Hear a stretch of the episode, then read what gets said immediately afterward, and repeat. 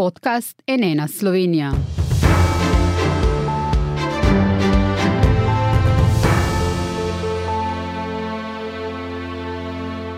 Dobar dan, to je ene na studio. Medtem ko se nadaljuje okrepljeno bombardiranje večjih ukrajinskih mest, med njimi Kijeva, Črnigova, Harkova in Nikolajeva, je iz države do včeraj zbežalo že več kot milijon in pol ljudi, kar pomeni, da je to najhitreje raztoča begunska kriza v Evropi po drugi svetovni vojni, sporočajo Združeni narodi.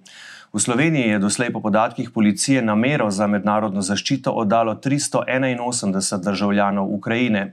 Danes zjutraj pa so v Slovenijo prispeli člani Mladinskega simfoničnega orkestra Ukrajine, ki jim je pri evakuaciji pomagal slovenski mladinski orkester. In umetniška vodja, dirigentka Živa Ploj Peršuh je zdaj z nami v studiu. Dobr dan, dobrodošli. Dobr dan, hvala. Zadnje informacije so, kakšne torej otroci so prispeli danes zjutraj. Prosim, povejte, kako se počutijo, kako so prestali to dolgo, naporno pot. Ja, res smo zelo veseli in zadovoljni, da smo uh, to noč uh, proti jutri pač v Ljubljani uh, sprejeli dva avtobusa. Pobrali smo jih na meji, na mesecu Čop, in za njimi je dva in pol dneva dolgo potovanje. Izredno so izčrpani, seveda so, bi rekla, zelo tihi in misli, koliko smo se pač uspeli z njimi pogovoriti, so usmerjene v njihovo domovino in njihove domove.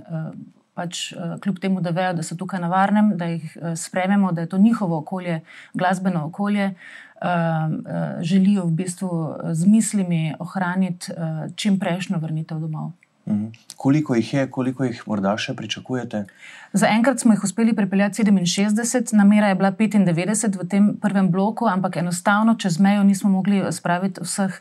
Izjemno je otežena eh, komunikacija in koordinacija na različne mejne eh, prehode in tudi eh, pač birokratske ovire, ki so seveda časovno izjemno naporne in tudi postopkovno izjemno naporne, so nam bile v napoto. Tako da zaenkrat 67 mladih članov z pač spremljanjem spremljevalci, in uh, iz tega naslova nas čaka 300 mladih ljudi še na drugi strani. Uh -huh. uh, če lahko malo bolj podrobno poveste, kako je sama evakuacija potekala. Nekaj ste že dejali na začetku, ampak vendarle ni to tako, kot si morda kdo predstavlja. Uh, vem, da je težko predstavljivo, in tudi uh, sicer, ko razmišljaš o tem, ne, kako se loti te zadeve, je pač uh, v glavi so najprej same prepreke. Ampak res moram povedati, ob pomoči Ministrstva za zunanje zadeve, uh, um, gospoda Andreja Štera, konzularnega oddelka, Katarina Štrukal in ostalih, policije slovenske, uh, ne na zadnje uh, pač člana našega ekipe Uroša Dokla, uh, novinarja Boštjana Videmška uh, in uh, pač uh, smo uspeli v bistvu biti zelo hitri. Na drugi strani so bili izjemno ažurni in odzivni uh, pač vodje njihovega mladinskega orkestra, tole, uh, torej Aleksandra Zajceva, ki je sicer v Nemčiji na Bavarskem, ona je direktorica, in Miroslava, ki je bila producentka z ukrajinske strani. To so izjemno odzivni ljudje, izjemno hitri, tako da v bistvu telefon, da telefon, organizacija preko WhatsAppa, Facebooka, v bistvu diplomatskih vezi in enostavno nismo imeli druge možnosti, kot se organizirati izjemno hitro.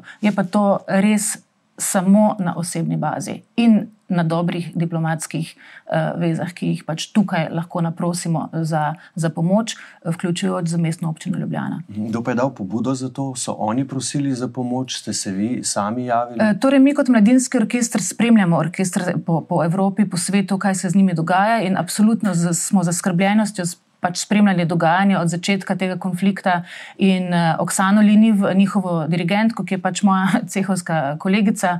In uh, enostavno smo jih po telefonu vprašali, ali lahko kaj storimo, ali lahko kaj pošljemo, lahko kakorkoli pomagamo, in so pač uh, poslali apel in poziv na pomoč, da čim prej iz države. In to smo seveda upoštevali. Mhm. Nekaj ste že povedali, da so, da so tihi ti otroci, uh, kje so zdaj, kaj morda pripovedujejo, kako so oni doživeli to strašno vojno.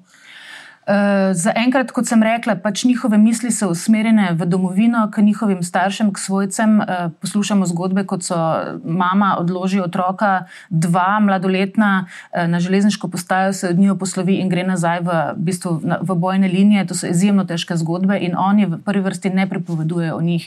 Oni želijo pač uh, delovati kot glasbeniki, se čim prej dostojno počutiti in njihove misli so res pri čim prejšnjem povratku, ob tem pa seveda da je realnost žal, mislim, da drugačna. Ja, tega se vsi bojimo. Ključno vprašanje, tisti, ki želijo pomagati tu v Sloveniji, kam se lahko obrnejo, kaj ti otroci trenutno najbolj potrebujejo?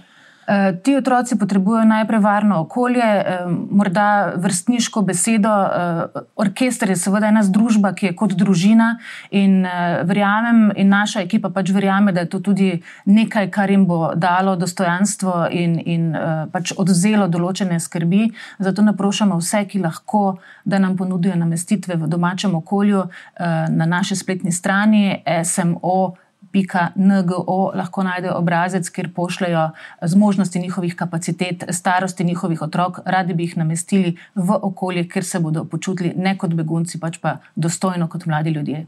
Mhm. Računate, seveda, tega vse si bojimo, ampak da bodo pri nas morali ostati?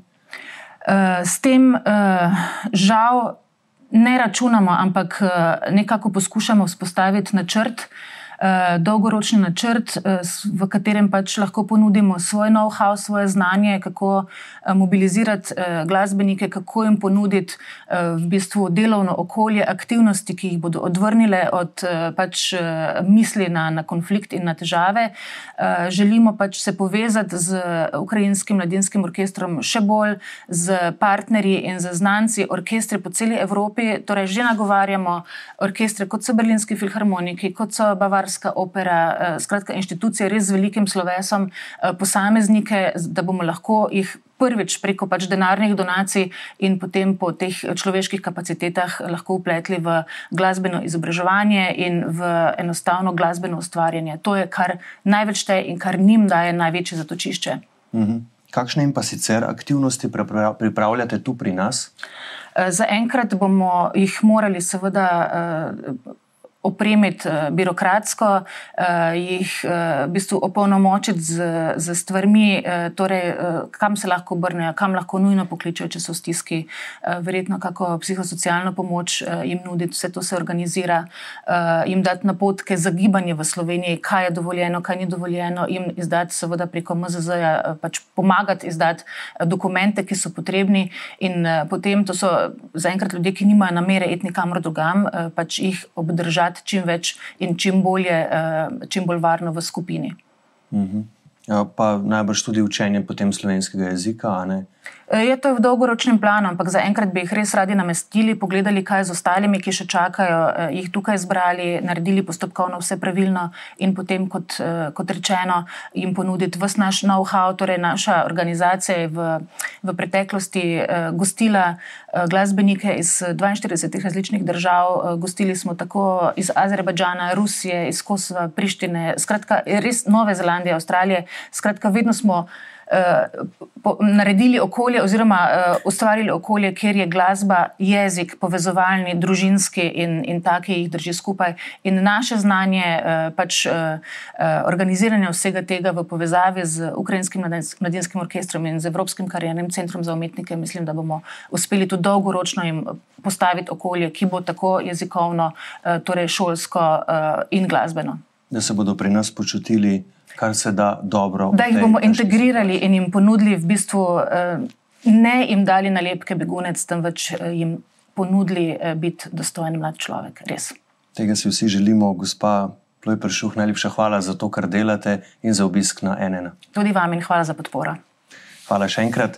Hvala pa tudi vam za vašo pozornost. Seveda spremljajte nas še naprej na nnainfo.si, kjer sproti objavljamo vse zadnje informacije v zvezi z vojno v Ukrajini, pa tudi seveda v zvezi s tem, kako lahko pomagate vi. Iz studija pa hvala lepo zdrav.